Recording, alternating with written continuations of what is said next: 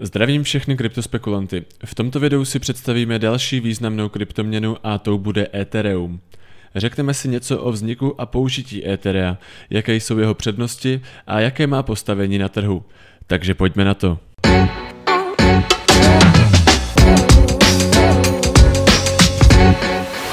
Projekt Ethereum popsal v roce 2013 programátor Vitalik Dmitry Buterin, narozen v Rusku a žijící v Kanadě.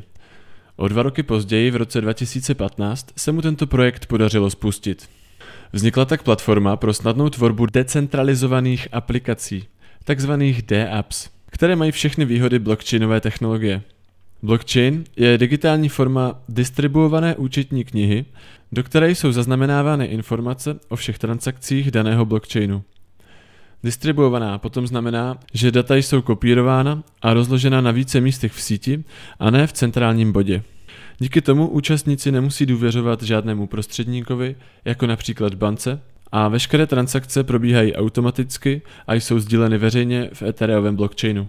Dnešní Ethereum se zkratkou ETH je forkem původního Etherea. To původní Ethereum se v červnu roku 2016 stalo obětí chyby ve zdrojovém kódu a zmizelo tehdy 3,6 milionů Etherů v tehdejší hodnotě 50 milionů dolarů. S cílem vrátit majitelům ztracené prostředky se komunita shodla na hardforku a vznikl tak nový blockchain, který si ponechal původní název a na který přešla většina komunity. Bylo tak umožněno majitelům zcizené étery opět použít. Tento hardfork však rozdělil komunitu na dvě strany. Původní Ethereum se přejmenovalo na Ethereum Classic se zkratkou ETC a malá část komunity u něj zůstala a nadále jej provozuje. Síla Ethereum Classic na trhu kryptoměn od té doby vzrostla více než desetkrát. Ethereum se doposud dá těžit pomocí grafických karet, vykonávajících Proof of Work, česky potvrzení o práci, na kterém běží také Bitcoin a které vyžaduje náročné početní operace k těžbě mincí a přidání bloku s transakcemi do blockchainu. Ethereum se však chystá transformovat na principiálně jiný způsob, zvaný Proof of Stake, což znamená potvrzení o podílu.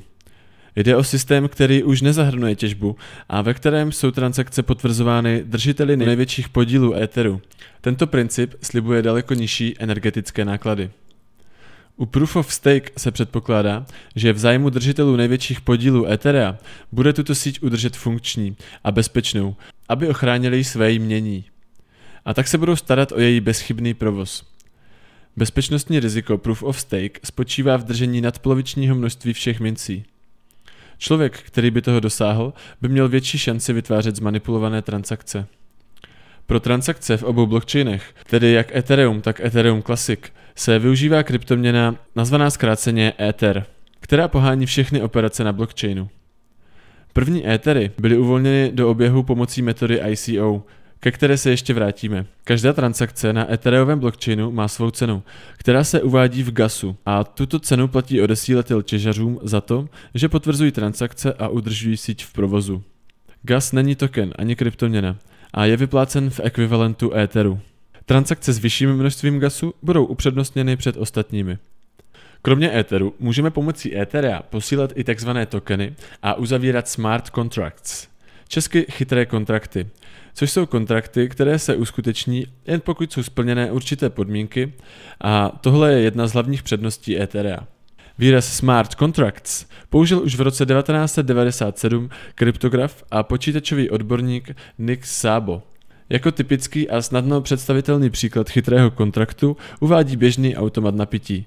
Po vhození mince dojde buď to k vydání nápoje, nebo k vrácení peněz. Na to, aby vše proběhlo jak má, dohlíží jednoduchý program běžící v elektronice automatu, který kontroluje platnost mincí a velikost sumy. Provádí vrácení přeplatku či případné stornování nabídky. Tento program můžeme označit chytrým kontraktem, jenž uzavírá smlouvu garantující získání nápoje komukoliv, kdo vloží dostatek mincí. Smart kontrakty se programují ve vlastním jazyce zvaném Solidity, který se podobá známému programovacímu jazyku JavaScript. Pro tvorbu smart kontraktů se využívá standard ERC20, který udává, jaké pravidla musí tokeny implementovat. Smart kontraktů tohoto standardu bylo v lednu roku 2018 vytvořeno přes 20 tisíc. V polovině března téhož roku to bylo již přes 50 tisíc. Token, česky také žeton, slouží jako platební prostředek a jako pomyslné palivo pro smart kontrakty. Každý token může mít svá specifická pravidla, jako maximální zásobu nebo úroveň dělitelnosti. Tyto tokeny mají všechny výhody Ethereového blockchainu a často se využívají pro financování rozvíjejících se projektů. Toto financování se nazývá Initial Coin Offerings, zkráceně ICO, jak již bylo zmíněno. A česky by se to dalo přeložit jako počáteční nabídka mincí. Pomocí smart kontraktu dostanete automaticky za vaše vložené Etherea poměrnou část tokenů. Získané tokeny fungují podobně jako akcie firmy, které se dají obchodovat na burze nebo se s nimi dá platit v rámci určitých platform.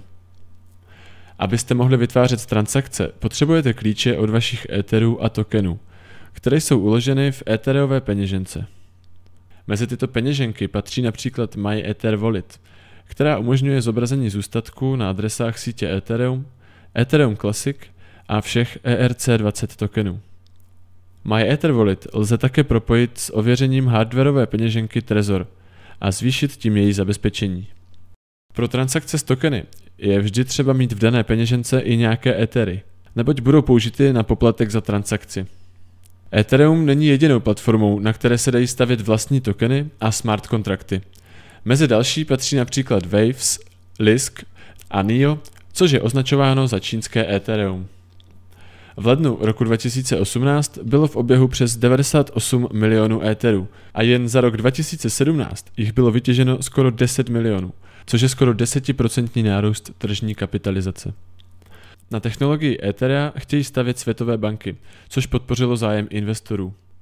Cena Etherea oproti dolaru stoupla za rok 2017 skoro 100 krát a dosáhla nejvyššího bodu v půlce ledna roku 2018, kdy jeho tržní kapitalizace přesáhla 100 miliard dolarů a cena za jeden Ether byla necelých 1400 dolarů.